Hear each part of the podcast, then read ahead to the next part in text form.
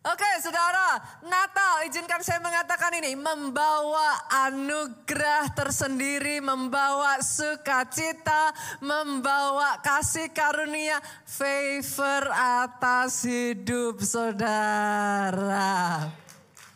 Kedatangan Yesus saudaraku pada saat dia lahir 2000 tahun yang lalu dia memberikan anugerah itu. Kelahiran Yesus menjadi satu penanda era yang baru sudah dimulai. Kita lihat ya saudaraku Yohanes pasalnya yang pertama. Yohanes pasalnya pertama ayatnya yang ke-6 sampai ayatnya yang ke-16 sampai 17 sudah. Yang sudah ketemu katakan amin. Yang ketemunya karena lihat di depan aminnya tetap yang paling keras. Boleh nggak sih saudara saya selalu loh, selalu pasti. Boleh nggak saya minta tolong tetap buka Alkitab Gih. Saya kebiasaan bilang gih gitu saudara. Tetap buka Alkitab saudara, jangan sampai kita jadi generasi yang gagal paham Alkitabnya Pak. Karena beneran loh saudara, kalau nggak hati-hati ya, Alkitab saudara yang di handphone kan alfabet toh. Ya kan, dari A sampai Z. Nah harusnya kita pertama kan kejadian. Nanti kalau alfabet saudara ditanya kita pertamanya Amos. Kan bahaya malu-maluin saudaraku. Buka Alkitab saudara, Mari kita lihat sama-sama Yohanes 1 ayat 16. Saya bacakan terlebih dulu buat saudara. Karena dari kepenuhannya, kita semua, garis bawahi kata kita semua, telah menerima kasih karunia demi kasih karunia. Kata kita semua berarti Pak dari Bapak yang duduk paling depan, Bapak Ibu yang duduk paling depan, semua di barisan paling depan, sampai yang duduk paling belakang sana, bahkan sampai yang tersembunyi di belakang multimedia room, dari ujung kanan sampai yang di selasar di lorong, sampai yang di sebelah kiri. Kata kita semua artinya tidak ada satu orang pun di tempat ini yang dilewatkan oleh kasih karunia kasih karunia-Nya bagi saudara, saudara, saudara semua. Boleh aminnya yang paling keras saudaraku kalau mau tepuk tangan, tepuk tangan yang paling meriah buat Yesus Tuhan kita. Dan amazingnya ayat ini berkata bukan hanya satu kasih karunia. Bukan hanya satu anugerah, tapi kasih karunia demi kasih karunia. Artinya Pak, sama seperti like a wave, gelombang bu. Kalau kita lihat di pantai gelombang itu ada gelombang demi gelombang. Boleh nggak saya katakan ini? Never ending favor. Anugerah yang tidak berkesudahan itu yang Tuhan berikan atas hidupmu. Kayaknya perlu lihat kiri kanan katakan, masih nggak dosa tepuk tangan saudaraku. masih nggak dosa bilang amin. Keluarga Allah salah satu cirinya mau sampai kapan pun gak boleh hilang. Apinya menyala-nyala. Setiap firman diberitakan aminnya yang paling kencang.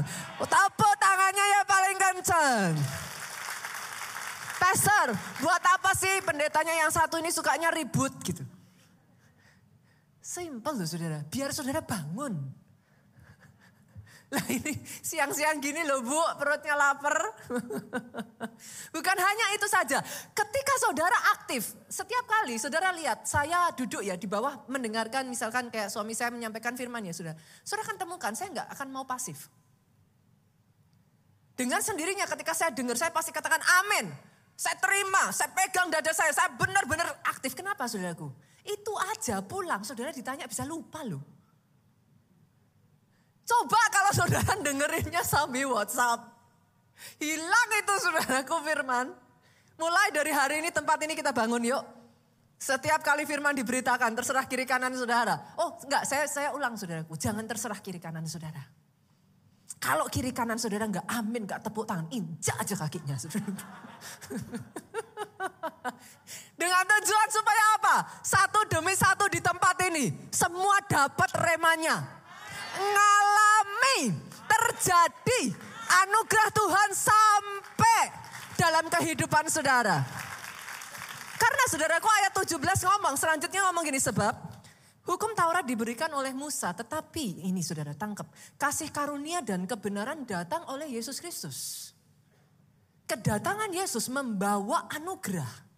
Kedatangan Yesus membawa kasih karunia. That is Christmas Pak. Sesuka-sukanya saya pada Santa Claus. Christmas is not Santa Claus. Sorry saudaraku. Dunia berusaha menggantikan itu, but it's not. Sesuka-sukanya saya kepada semua ornamen Christmas pohon Natal. Christmas is not the tree.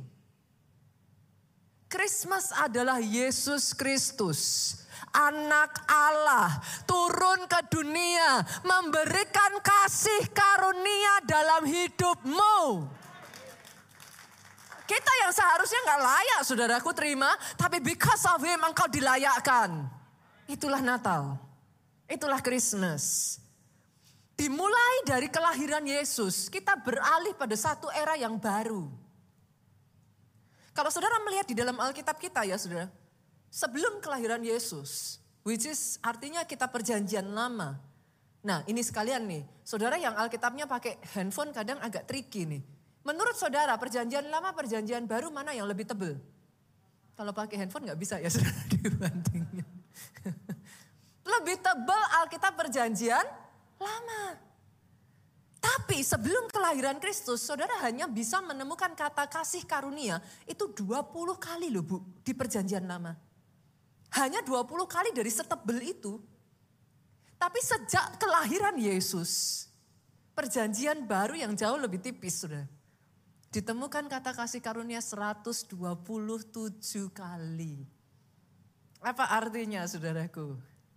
Kelahiran Kristus melipat gandakan kasih karunia dalam kehidupan pribadi lepas pribadi di tempat ini kelahiran Kristus menandai satu era yang baru, kasih karunia dilipat gandakan.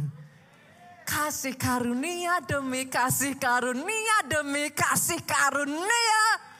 Hidupmu dipenuhi kasih karunia. Bahkan saya tantang ya, saya tantang saudara. Selama satu bulan ini kita masuk new era, the era of miracle. Saya tantang nih saudara. Saya berdoa ada orang-orang di tempat ini yang berani tangkap dan percaya. Baru saja kemarin kita belajar, saudara bicara soal mujizat ya saudaraku. It's talking about faith. Tapi minggu lalu kita belajar, ada dimensi kedua dari mujizat, which is favor. Karena akan selalu ada orang-orang yang berkata kepada saya, Pastor, kayaknya saya nggak bisa sepercaya itu loh Pastor. Kayaknya saya nggak bisa sampai kayak begitu Pastor. Tapi still, terlepas dari keterbatasan saudara, ada anugerahnya bagi saudara. Hari ini, sebelum kita tutup buku di 2023 saudaraku. Kalau ada orang-orang di tempat ini yang kau berani tangkap remanya. Tap into it saudara. Saya berdoa ya, kasih karunia itu dilipat gandakan menjelang akhir tahun ini. Kasih karunia demi kasih karunia yang never ending Saudara dibawa masuk ke dimensi mujizat. Menutup 2023, hal-hal yang kau doakan, yang kau tahu secara manusia nggak mungkin terjadi. Berani masuk melangkah dengan iman saudaraku. Di akhir tahun ini justru di momen yang tidak saudara harapkan. Jadi, jadi, jadi, jadi, jadi, jadi akan ada orang-orang di tempat ini. Ini saya perkatakan saudaraku yang jawaban doamu datang di bulan Desember ini. Akan ada orang-orang di tempat ini yang kesembuhanmu terjadi di bulan Desember ini. Akan ada orang-orang di tempat ini. Oh yes. Yang mujizatmu. Kau terima di bulan Desember ini. Oh yes. Terjadi. Dan secara khusus saudaraku, di momen Natal ini saya akan berbicara tentang yang namanya favor to flourish. Flourish, kalau diterjemahkan dalam bahasa Indonesia itu artinya mekar, berkembang. Ada anugerah yang diberikan Tuhan atas hidupmu sehingga tidak lagi hidupmu layu. Enggak lagi stuck. Ada anugerah yang somehow akan membuat engkau bertumbuh. Akan membuat engkau berkembang akan membuat engkau mengalami peningkatan. Bisnismu flourish. Uh, aminnya kurang keras. karirmu floris. Komselmu floris. Pelayananmu floris. Apa pun yang ditaruh di tangan saudara, boleh tangan saudara kedangkan seperti ini? Apa pun yang ditaruh di tangan ini dibuat floris, Tepuk tangan sekali lagi yang paling meriah buat Yesus Tuhan kita. Saya berdoa ya saudara sampai sukacitanya meluap. Bukan sukacita yang hanya saudara alami situasional. Kalau keadaan baik sukacita, keadaannya enggak baik kehilangan sukacita. No. Nanti saya akan ceritakan kepada saudara. Favor to flourish akan membuat sukacita saudara dalam segala situasi akan terus mekar saudara. Kita buka ya Mazmur pasalnya yang ke-92 ayatnya yang ke-13 sampai 16. Saya bacakan buat saudara, orang benar, garis bawah ini ya saudaraku karena nggak sembarang orang. Orang benar akan bertunas seperti pohon kurma. Dalam bahasa Inggrisnya kata bertunas itu floris. Orang benar akan floris seperti pohon kurma. Dia tumbuh subur seperti pohon aras Libanon. Besok ya saudara serialnya kita akan bicara yang ini. Tapi hari ini saya akan berbicara tentang orang benar, floris seperti pohon kurma, saudaraku. Buat sebagian dari saudara yang mungkin berkata, Pastor ya ampun, hidup benar tuh kayaknya nggak gampang deh, rugi. Orang lain bisa tipu-tipu, dapatnya lebih banyak pak. Kitanya terus aja jujur aja. Ih, yang namanya jujur apa? Kalau orang Jawa bilang ajur. Saya nggak tahu saudara yang bisa bahasa Jawa ya. Uh, ajur itu hancur. Jujur itu kadang-kala nggak segampang itu. Bagaimana bisa orang lain, suami saya, pasangan saya, istri saya bisa main gila di belakang? Emangnya saya juga nggak bisa, pastor? Kenapa saya harus tetap hidup benar? Sedangkan orang lain ngelakuin seperti itu ke saya. Hidup benar itu rugi. Tapi yang saya tahu saudaraku, firman ini ngomong, orang benar akan floris seperti pohon kurma. Dia tumbuh subur seperti aras Libanon. Dan ayat berikutnya ngomong kayak gini saudaraku. Perhatikan ini baik-baik saudara. Uh, saya senang sekali ayat ini. Mereka yang ditanam di bait Tuhan akan bertunas, bahasa Inggrisnya flourish. Mereka yang ditanam di bait Tuhan akan flourish di pelataran Allah kita. Baca sekali lagi saudaraku. Ini bukan Nita 10 ayat 1. Ini Mazmur saudara. Berapa banyak yang setuju dengan saya firman Tuhan ya dan amin. Kalau saudara bilang amin, pikirkan dulu perkataan saudara. Karena ayat ini berkata, mereka yang ditanam di bait Tuhan, bait Tuhan itu rumah Tuhan. Akan ada sebagian yang ngomong sama saya, pastor nggak enak. Pelayanan di gereja itu banyak gesekannya. Hari-hari ini saya menjumpai sangat banyak orang yang berusaha mengganti konsep gereja lokal. Tapi firman ini ngomong, orang yang ditanam di bait Allah, dia akan floris. Bukan hanya florisnya di awal, tapi ayat 16 saudaraku, dikatakan apa? Sorry, ayat 15. Pada masa tua pun mereka masih berbuah. Bukan buahnya tambah layu, bukan buahnya tambah sedikit, dikatakan buahnya jadi gemuk dan seger. Kata seger di situ saudaraku adalah floris. Saya tahu terlepas dari apakah saudara setuju tidak setuju saudaraku. Tapi firman itu ngomong orang yang ditanam di rumah Tuhan. Dari awalnya dia floris. Sampai masa tuanya dia tetap floris. Bahkan bukan hanya sekedar berbuah. Lihat dong saudara, buahnya gemuk dan segar. Kalau bahasanya sekarang gemoy. Jadi dia bukan hanya sekedar berbuah, di awal orang-orang ini floris pak. Tapi sampai masa tuanya buahnya gemoy-gemoy. Yang mengerti aminnya yang paling keras. Yang percaya itu terjadi atas kehidupannya aminnya lebih keras lagi. Tepuk tangannya yang paling meriah buat Yesus Tuhan kita. Itu sebabnya saya katakan saudaraku, hari ini saya berdoa. Dalam bahasa Inggris, kata-kata ini berkata seperti ini. The righteous shall flourish like a palm tree. Orang benar itu akan flourish seperti pohon palem, Pastor. Kalau bahasa Indonesianya kau pohon kurma. Tapi saudaraku, pohon kurma, tahukah saudara, itu berasal dari jenis palem. Dan pohon palem, saudaraku, dikenal sebagai pohon yang melambangkan kemenangan. Semarak, victory, sukacita. Saudara masih ingat gak pada saat Yesus masuk ke kota Yerusalem? Nah, orang-orang menyambut dia dengan sorak-sorai apa? Hosana, Hosana. Mereka melambaikan apa? Nah, daun palem, sudah bukan pohonnya ya, sudah daunnya. daun palem, saudaraku. Mereka melambai-lambaikan daun palem. Nah ini nih, sebentar lagi kita masuk crossover kan? Peralihan dari 2023 ke 2024. Sekalian saya pengumuman. Pastor, tanggal 31 jatuhnya hari Minggu. Ah, senggol kiri kanan, kapan lagi? Ini kayak gini nggak tahu loh saudara-saudara ketemu kayak gini ini berapa tahun ke depan saya nggak tahu. Tapi ini pas jatuh di hari Minggu. Pastor, keluarga Allah ada ibadah nggak? Tenang saudaraku, kapan keluarga Allah nggak ada ibadah saudara? jam 8, jam 10, jam 12, jam 2 di Solo Capital akan ibadah seperti biasa. Sama seperti di PIK. Jam 10, jam 1 akan ibadah seperti biasa. Ibadah jam 4 dan jam 6 di tempat ini, jangan lupa loh saudara. Jam 4 dan jam 6 di tempat ini akan disatukan di ibadah jam 10 malam kita cross over. Mengawali dan mengakhiri di dalam hadirat Tuhan.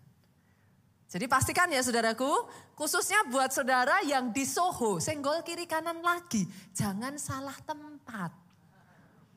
Besok jam 10 malam di PIK. Bukan di sini, nanti saudara jangan datangnya ke sini. Pastor, ya saya kan rumahnya deket di sini, kenapa nggak di sini? Saudara kami sudah pernah ngadain di sini, nggak pulang. Terjebak macet tuh di bawah saudaraku. Itu keluar dari parkiran aja 2 sampai 3 jam. Hanya keluar dari parkiran, belum mengantrinya setelah keluar saudaraku. Nah di PIK kami sudah mencoba tahun lalu di sana saudaraku lebih lancar. Dan karena ini tahun baru, nah Jakarta nggak usah khawatir, ini salah satu apa surga buat Jakarta gitu saudaraku. Gak usah khawatir macet. Jadi besok tanggal 31 kita crossover di mana? di PIK. Nah, saya pengen tanya nih, balik ke laptop. Tadi bicara crossover, saudara. Biasanya saudara datang ibadah crossover bawa apa? Ah, trompet. Tapi juga suka lambe-lambe gini pakai daun palem. Artinya apa? It's a victory. Itu adalah satu sukacita, semarak, celebration, saudaraku. Nah, hari ini saudara, di sini dikatakan Orang benar akan flourish seperti pohon kurma. Boleh nggak saya ajak kita sama-sama belajar yuk dari kisah kehidupan si kurma kecil. Seperti apa sih pohon kurma itu Pak? Pohon kurma adalah satu pohon yang cukup unik Bapak Ibu. Kenapa? Karena dia tumbuh di padang gurun. Dia tumbuh dalam situasi ekstrim. Panas kepanasan, dingin kedinginan. Gak usah jauh-jauh saudara berbicara padang gurun yang udah jelas-jelas kalau panas parahnya minta ampun. Sekarang ini aja lah Pak. Momen sekarang ini kalau siang panas sekali kan? Ah. Tapi kalau sudah malam dingin kan? Ah, jangankan pohon Pak. Kita manusia aja loh bisa banyak yang sakit loh. Betul? Kan? Uhu, uhu, uhu, gitu kan? Nah, itu manusia. Kebayang nggak sih pohon palem, pohon kurma ini nggak bisa pakai jaket. Dia harus ada dan tumbuh di suasana dan cuaca yang super ekstrim. Tapi ini saudara, buahnya bisa sangat manis tuh. Begitu manisnya sampai ketika dijual pak, jadi komoditi yang mahal loh harganya. How can it be? Kok bisa? Itu sebabnya saya ingin mengajak saudara belajar dari kisah kehidupan si kurma kecil. Ternyata saudaraku, kurma ini pada saat dia masih biji benih, saudara, dia akan ditanam di dalam pasir. Karena pada gurun kan, saudaraku nggak ada tanah seperti padat begitu, pasir saudara. Karena dia ditanam di dalam pasir, um, tentunya saudara yang namanya padang gurun kan nggak banyak air ya. Ah, pertanyaannya kok dia bisa hidup gitu. Setelah ditanam saudara, kurma ini diperlakukan dengan cara yang super tidak adil. Di atas benihnya, di atas biji kurma ini akan ditindih dengan batu kalau bisa seberat mungkin. Saudara memperhatikan ya, nggak cuma satu biji loh batunya. Dua bahkan tiga, artinya yang naruh batu niat saudara. Sepakat ya dengan saya? Ini nggak cuma ditaruh satu batu, dua ditumpuk tiga. Akan ada orang-orang di tempat ini yang mungkin saudara berkata kepada saya sama seperti si kurma kecil ini. Kalau bisa teriak, dia teriak loh pak. Life is not fair. Aku loh, tumbuhnya aja di padang gurun. Air udah nggak ada, hujan udah nggak pernah. Tanahnya pasir, untuk tumbuh kan gak gampang saudara kalau di pasir. Masih kecil udah ditindas. Masih kecil udah dipenyet. Itu kalau mau komplain ya gimana caranya bisa tumbuh.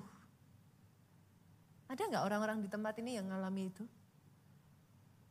Udah keluarga saya keluarga biasa-biasa pastor, saya lahir dari keluarga yang miskin pastor masalah demi masalah demi masalah teman-teman yang lain udah nongol nongol nongol nongol. Kapan giliran saya? Kalau si kurma kecil ini mau protes mungkin itu yang akan keluar saudaraku. Mungkin kata-kata itu yang akan muncul dari mulutnya. Life is not fair. Tapi ajaibnya saudaraku karena si kurma kecil ini ditekan begitu rupa dia mau naik ke atas tuh nggak bisa nggak punya kekuatan. Dia masih biji. Karena dia nggak punya kekuatan untuk naik ke atas, dia turun ke bawah. Dalam keadaan yang begitu berat, akar-akar si kurma kecil ini terpaksa bukan karena dia suka, tapi akarnya merambat sampai ke dalam. Ada orang-orang di tempat ini, bukan Tuhan gak sayang engkau, Terlepas dari apa yang kau alami, dia mau akarmu merambat ke bawah. Akar apa, Pastor? Akar tahan ujimu. Akar apa, Pastor? Akar kesabaranmu. Akar apa, Pastor? Akar pantang menyerahmu. Akar-akar itu harus merambat ke bawah, saudaraku. Bukan hanya itu saja, Begitu rupa sampai akar-akar ini dalam saudaraku, akhirnya si kurma kecil ini menemukan sumber mata air bawah tanah. Bukankah justru di momen-momen terberat dalam hidupmu, sering kali ketika kau nggak punya siapa-siapa, Tuhan jadi segalanya buat engkau. Saat tidak ada orang yang menemani kau, bahkan merasa orang paling dekatmu nggak mengerti engkau. Bukan maunya si kurma ini, saudara. Siapa juga yang mau? Tapi dalam keterpaksaan itu, saudaraku, tidak ada yang menemani. Tanaman-tanaman lain semuanya naik ke atas. Tapi si kurma ini terpaksa. Akarnya harus sampai ke bawah. Tapi tahukah saudara, Bukankah di dalam Tuhan ada semua sari makanan, ada semua kepenuhan, ada semua hal yang kau butuhkan untuk engkau bisa kuat. Itulah yang terjadi pada si kurma kecil, saudara. Dalam keterbatasannya, dia tidak bisa mendapatkan hujan. There is no rain. Kadang saudara mungkin bisa berkata curang ya pastor, orang lain masih punya backingan. Anak orang lain kalau mau buka toko dimodalin papanya. Saya, saya punya siapa? Tapi maaf saudaraku, yes mungkin terdengar klise. Tapi saya harus mengatakan kepada saudara, bukankah kau masih punya Tuhanmu? Si kurma kecil dalam keter, keterbatasannya saudaraku, tidak ada satu orang pun yang menemani dia. Dia julurkan akarnya sampai ke dalam. Kalau bisa nangis, sudah nangis bu. Seringkali dia membandingkan diri dengan yang lain. Kenapa yang lain sudah setinggi itu? Aku muncul aja enggak. Tunas. Enggak ada kayak pertumbuhan apa pun. Yang lain sudah mendahului, yang lain sudah naik jadi pohon yang tinggi. Tapi si kurma kecil hanya bisa terus menjulurkan akar. Siapa juga yang lihat akar? Siapa juga yang peduli? Tapi dalam semuanya itu tanpa disadari si kurma kecil saudaraku. Dia gaining strength. Momen-momen di mana engkau berdua dengan Tuhanmu adalah momen di mana kau gaining strength.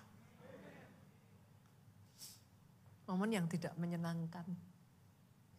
Ketika kau ditinggalkan orang-orang yang kau kasih, ketika kau dilupakan, engkau tidak dipandang oleh orang-orang yang tadinya mengeluh-elukan engkau. Itu momen yang tidak menyenangkan.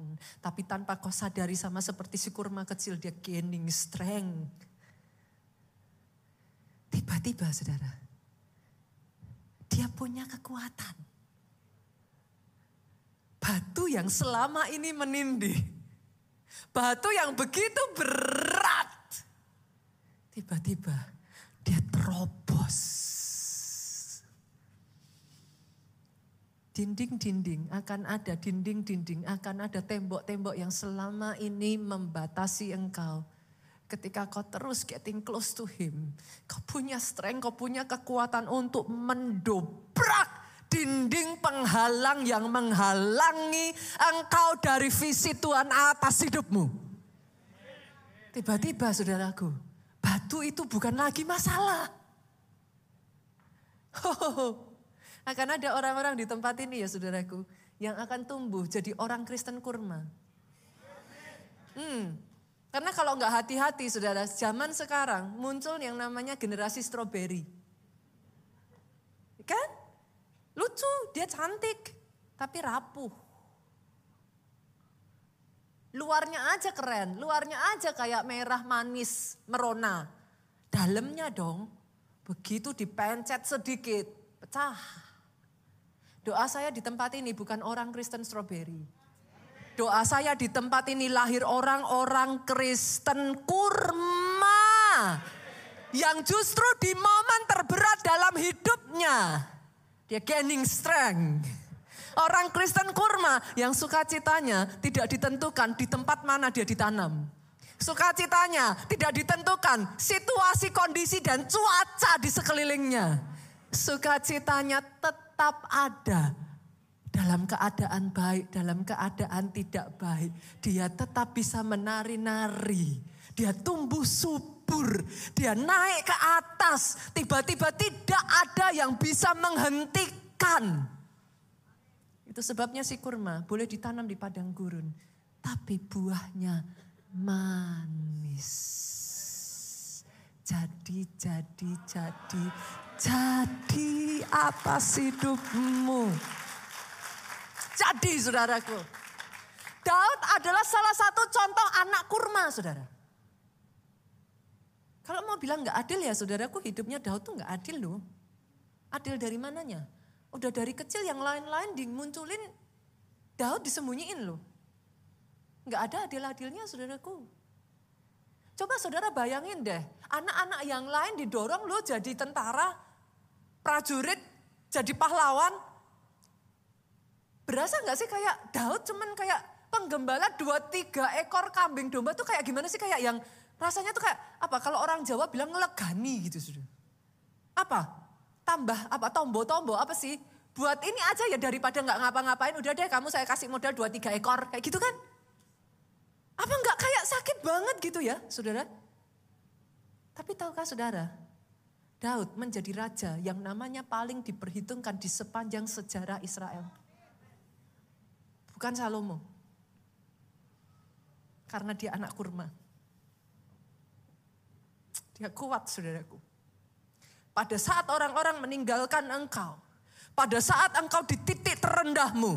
Pada saat tidak ada yang mendampingi engkau. Tetap kuat. Butuh orang Kristen yang bisa mentertawakan masalah saudaraku. Come. Saya nggak butuh orang Kristen yang dibully masalah. Banyak jumlahnya.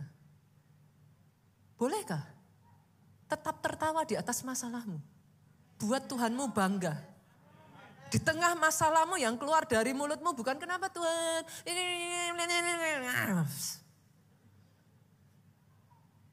Pastor-pastor enak sih hidupnya nggak pernah punya masalah. Saya terbiasa nggak pernah mau cerita masalah, suruh. Saya ceritakan kepada saudara setelah menang. Itu sebabnya banyak orang berpikir hidup saya nggak pernah punya masalah. Kenapa masalah perlu diceritakan? Semua orang punya masalah, Pak. Ada di sini yang nggak punya masalah? Coba angkat tangan, sudah saya kasih satu. Bagi-bagi. Semua punya masalah. Orang yang saudara lihat kelihatannya semua baik. Bukankah kita manusia tuh rumput tetangga selalu lebih hijau? Saudara nggak tahu aja gitu. Dia nggak cerita aja. Tapi semua orang punya masalah pak. Nggak perlu cerita masalah. Yang ada orang justru menertawakan engkau. Orang mencibir engkau. Cerita masalahnya sama Tuhan. Yang mengerti katakan amin. Ceritakan kemenanganmu kepada manusia. Karena dengan cara itu nama Tuhan dipermuliakan. Oh saya berdoa dari tempat ini lahir generasi kurma. Orang Kristen kurma saudaraku yang sama seperti Daud. Sampai di akhir hidupnya loh. Alkitab mencatat Semakin dia mengakhiri hidupnya, semakin terangnya bercahaya. Seperti cahaya pada pagi hari, saudaraku, ketika senja apa apa um, apa sih subuh itu, saudara pernah nggak lihat, saudara? Pertama matahari terbit, pernah lihat nggak? Itu gelap, gelap, gelap, gelap, gelap, gelap sampai tiba-tiba di jam tertentu itu terangnya itu kayak bright gitu. Sama seperti Daud, itu jadi hidupmu. Engkau akan menutup matamu ya saudaraku, orang akan melihat terangmu bercahaya.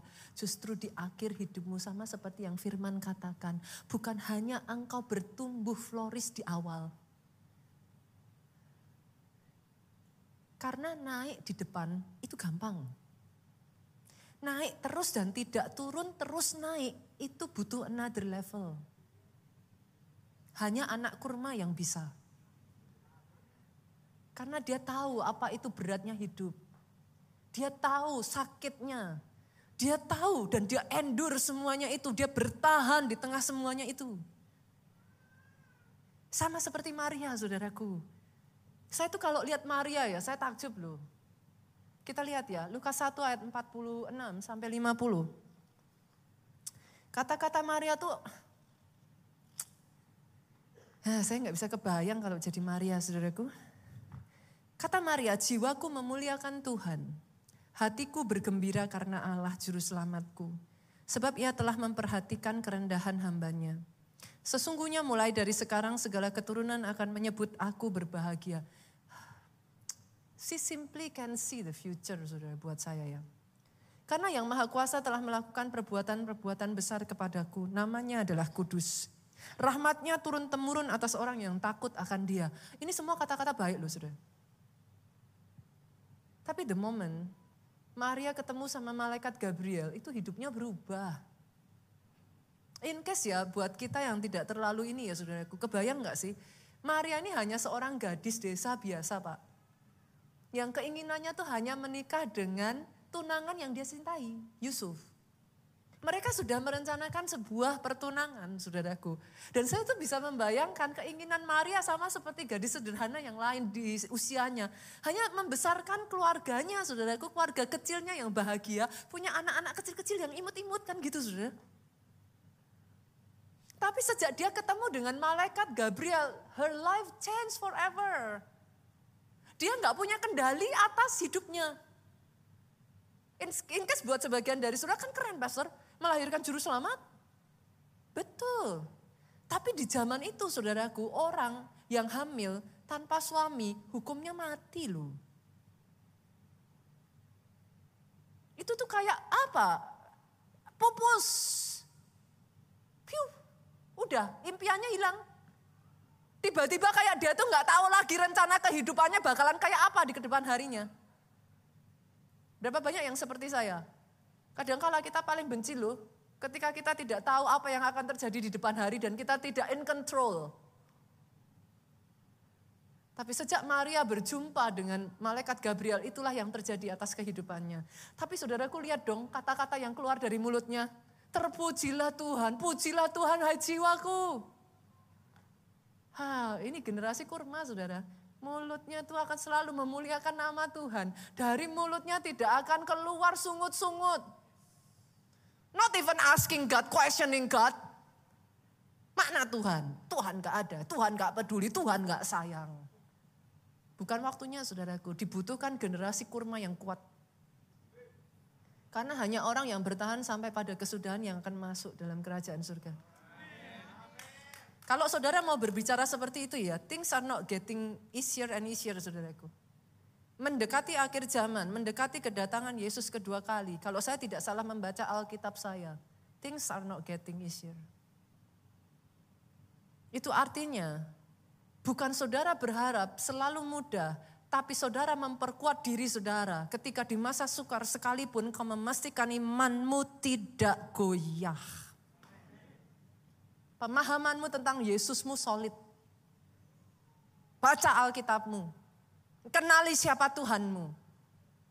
Jangan hanya Kristen KTP. Tapi pahami, sungguh-sungguh mengerti. What do you choose? Apa yang datang dalam kehidupan saudara? Pahami saudaraku. Hanya orang-orang yang seperti ini yang akan tetap bertahan kuat di masa apa pun. Kebayang gak sih saudaraku buat Mary, Maria, lahiran anak pertama. Ibu-ibu di sini yang udah pernah punya anak boleh lambaikan tangan. Hmm. Masih ingat gak ketika punya anak pertama? Ada di sini yang kayak saya nggak ikut senam hamil. saya tuh dulu ikut senam hamil saudaraku. Susternya ngomong, pus, pus gitu kan. Sambil dia bilang, pus kan dipegang tuh saudara. Dia bilang, salah, salah. Mana kita tahu kan saudaraku. Disuruh pus ya pus aja kan. Namanya ibu baru, kita kan nggak ngerti itu anak pertama saudara. Kebayang nggak sih kayak waktu susternya ngomong gitu kan, tarik nafas, nafasnya ya, kan kita nafasnya kan kayak gitu kan saudaraku. Susternya bilang salah, nggak boleh, nggak boleh nafas begitu gitu kan saudaraku. Mana nafasnya dihitungin lagi kan. Nah itulah namanya pengalaman seorang hamil yang baru. Kebayang nggak Maria kayak gitu, jauh dari keluarga saudaraku nggak punya tempat untuk ngelahirin, dia harus lahiran di kandang domba. Itu ibarat kalau zaman sekarang, anak muda sekarang, saudara lahiran nggak dapat kamar. Saya tanya, panik nggak tuh? Panik loh. Ya kan? Ada sebagian di sini yang dapat kamar sharing aja panik. Kadang kan, waduh kamarnya sharing, waduh, waduh, barengan sama banyak orang kayak gitu misalkan.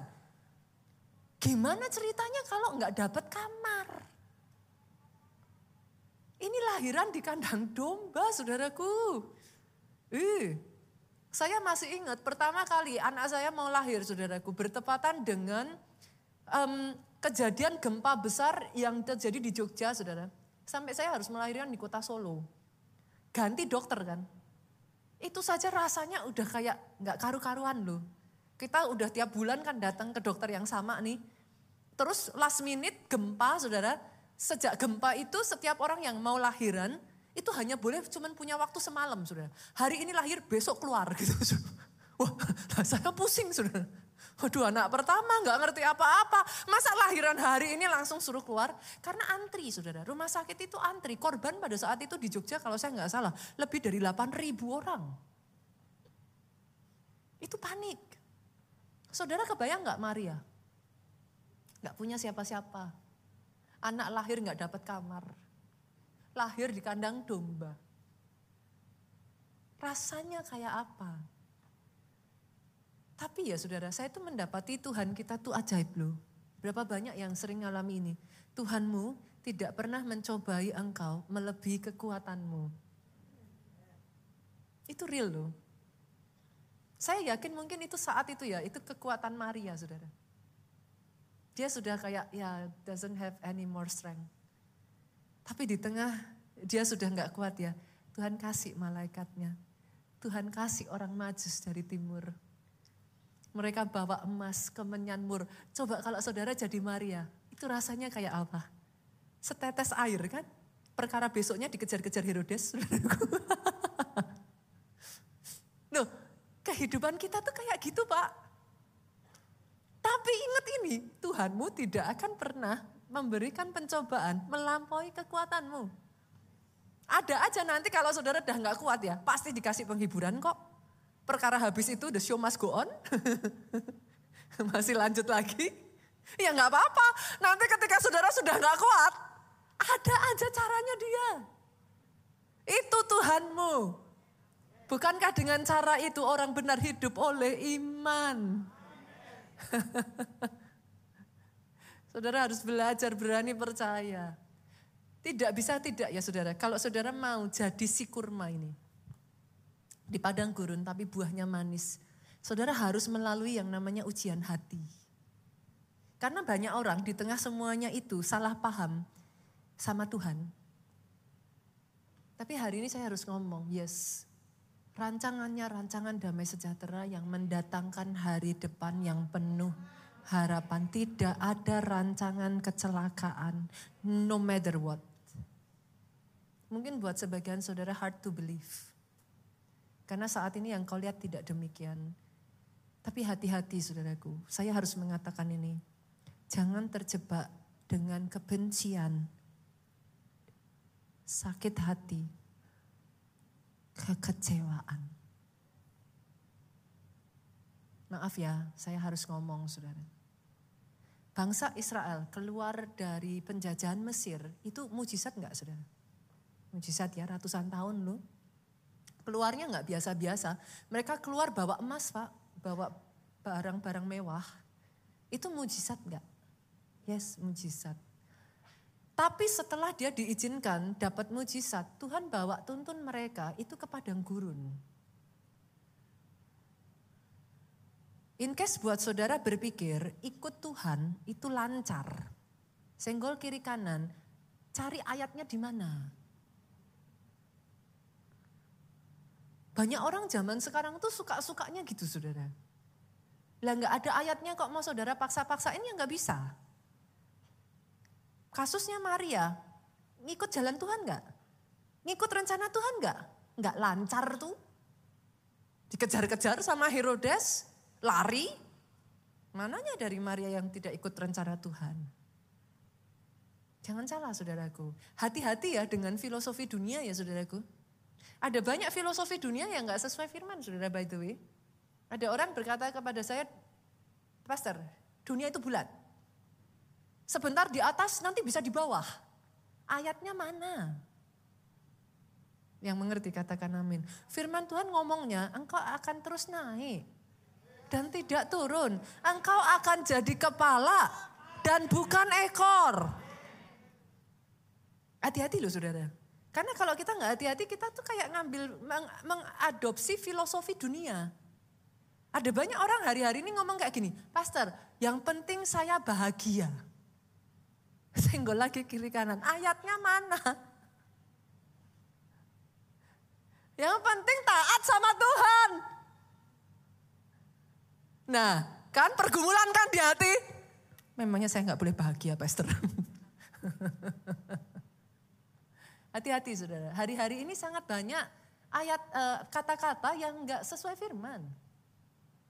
Ikuti apa apa kata hatimu, enggak ada itu ayatnya. Kan banyak tuh yang ngomong gitu kan Pak ya kan. Ikuti kata hatimu. Ya di mana ayatnya? Saudara coba cari. Kasih ke saya kalau ada. Yang betul taat sama Tuhan. Ikuti kata Tuhan. Sekalipun gak enak di hati. Nah banyak orang gak mau gak enak di hatinya. Makanya ikuti kata hati. Simple kan? Yang mengerti katakan amin. Bangsa Israel keluar itu mujizat penyertaan Tuhan, tapi dibawa menuju padang gurun. Di padang gurun saudaraku, setelah mereka kehausan, mereka berseru-seru kepada Tuhan, sampailah mereka di mata air, di tempat yang namanya Mara. Mujizat gak saudara dapat mata air di padang gurun? Masalahnya, mata airnya pahit. Sebagian ngomong Tuhan tuh sukanya bercandaan pasar. PHP. Udah kasih pengharapan tapi mata air tapi mata airnya palsu. Pahit. Nah ini di sini saudara, pentingnya di sini. Kalau saudara menemukan hal yang membuat saudara pahit, please saya minta tolong. Move on yuk. Jangan tetap tinggal di marah. It will do no good to you. Move on. Sekalipun pahit, pastor. Sekalipun saya rugi. Nyebelin. Yes. I wish you can see setelah marah, kita lihat ayat terakhir saudara, keluaran pasal 15. Ayatnya yang ke-27. I wish you can see. Sesudah itu, jadi setelah bangsa Israel melewati marah, kalau saudara tidak tinggal di marah, kalau saudara memutuskan untuk move on dari marah, ayat ini ngomong, sesudah itu sampailah mereka di Elim. Apa itu Elim? Tempat di mana ada 12 mata air dan 70 pohon kurma. Berkemahlah mereka di tepi air itu. Kalau engkau bisa melepas marah, marah itu pahit sudah. Kalau engkau melewati ujian hati, kalau engkau bisa melepaskan kepahitan itu saudara, dengar ini. Elim akan menanti engkau di depan sana. Dan ketika firman ngomong Elim, ada 12 mata air, itu bukan kayak kebetulan loh saudara. Semua yang ditulis di Alkitab itu ada lambang artinya. Angka 12, nanti coba saudara googling, boleh saudara googling. Angka 12 itu punya arti sempurna. Angka 17, 70, sorry 70, itu terdiri dari pecahan dua pecahan saudara, 7 dan 10. Angka 7 artinya perfect, sempurna. Angka 10 artinya complete, lengkap. Kalau kau bisa melalui ujian hatimu, engkau tidak menjadi pahit. Engkau tidak menjadi benci. Lihat ini sudah, Tuhan akan membawa hidupmu disempurnakan. Hidupmu akan dilengkapi. Sampai di satu titik saudara bisa nyanyikan lagu ini. Hidupku menggenap firmanmu. Sama-sama yuk dengan singer. Tanda mujizat sertai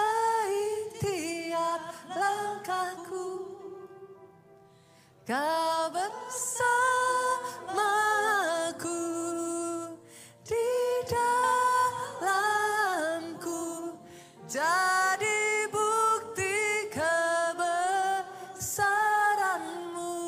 Sama-sama jemaat yuk kita nyanyikan lagu ini. Hidupku mengenapi firmanmu. Jadikan aku penggenapan firmanmu Tuhan. Ada saja Tuhan. Penyertaanmu di dalam kehidupanku. Tidak pernah engkau meninggalkan. Tidak pernah engkau membiarkan. Engkau sangat dekat Engkau di dalamku. Bangkit berdiri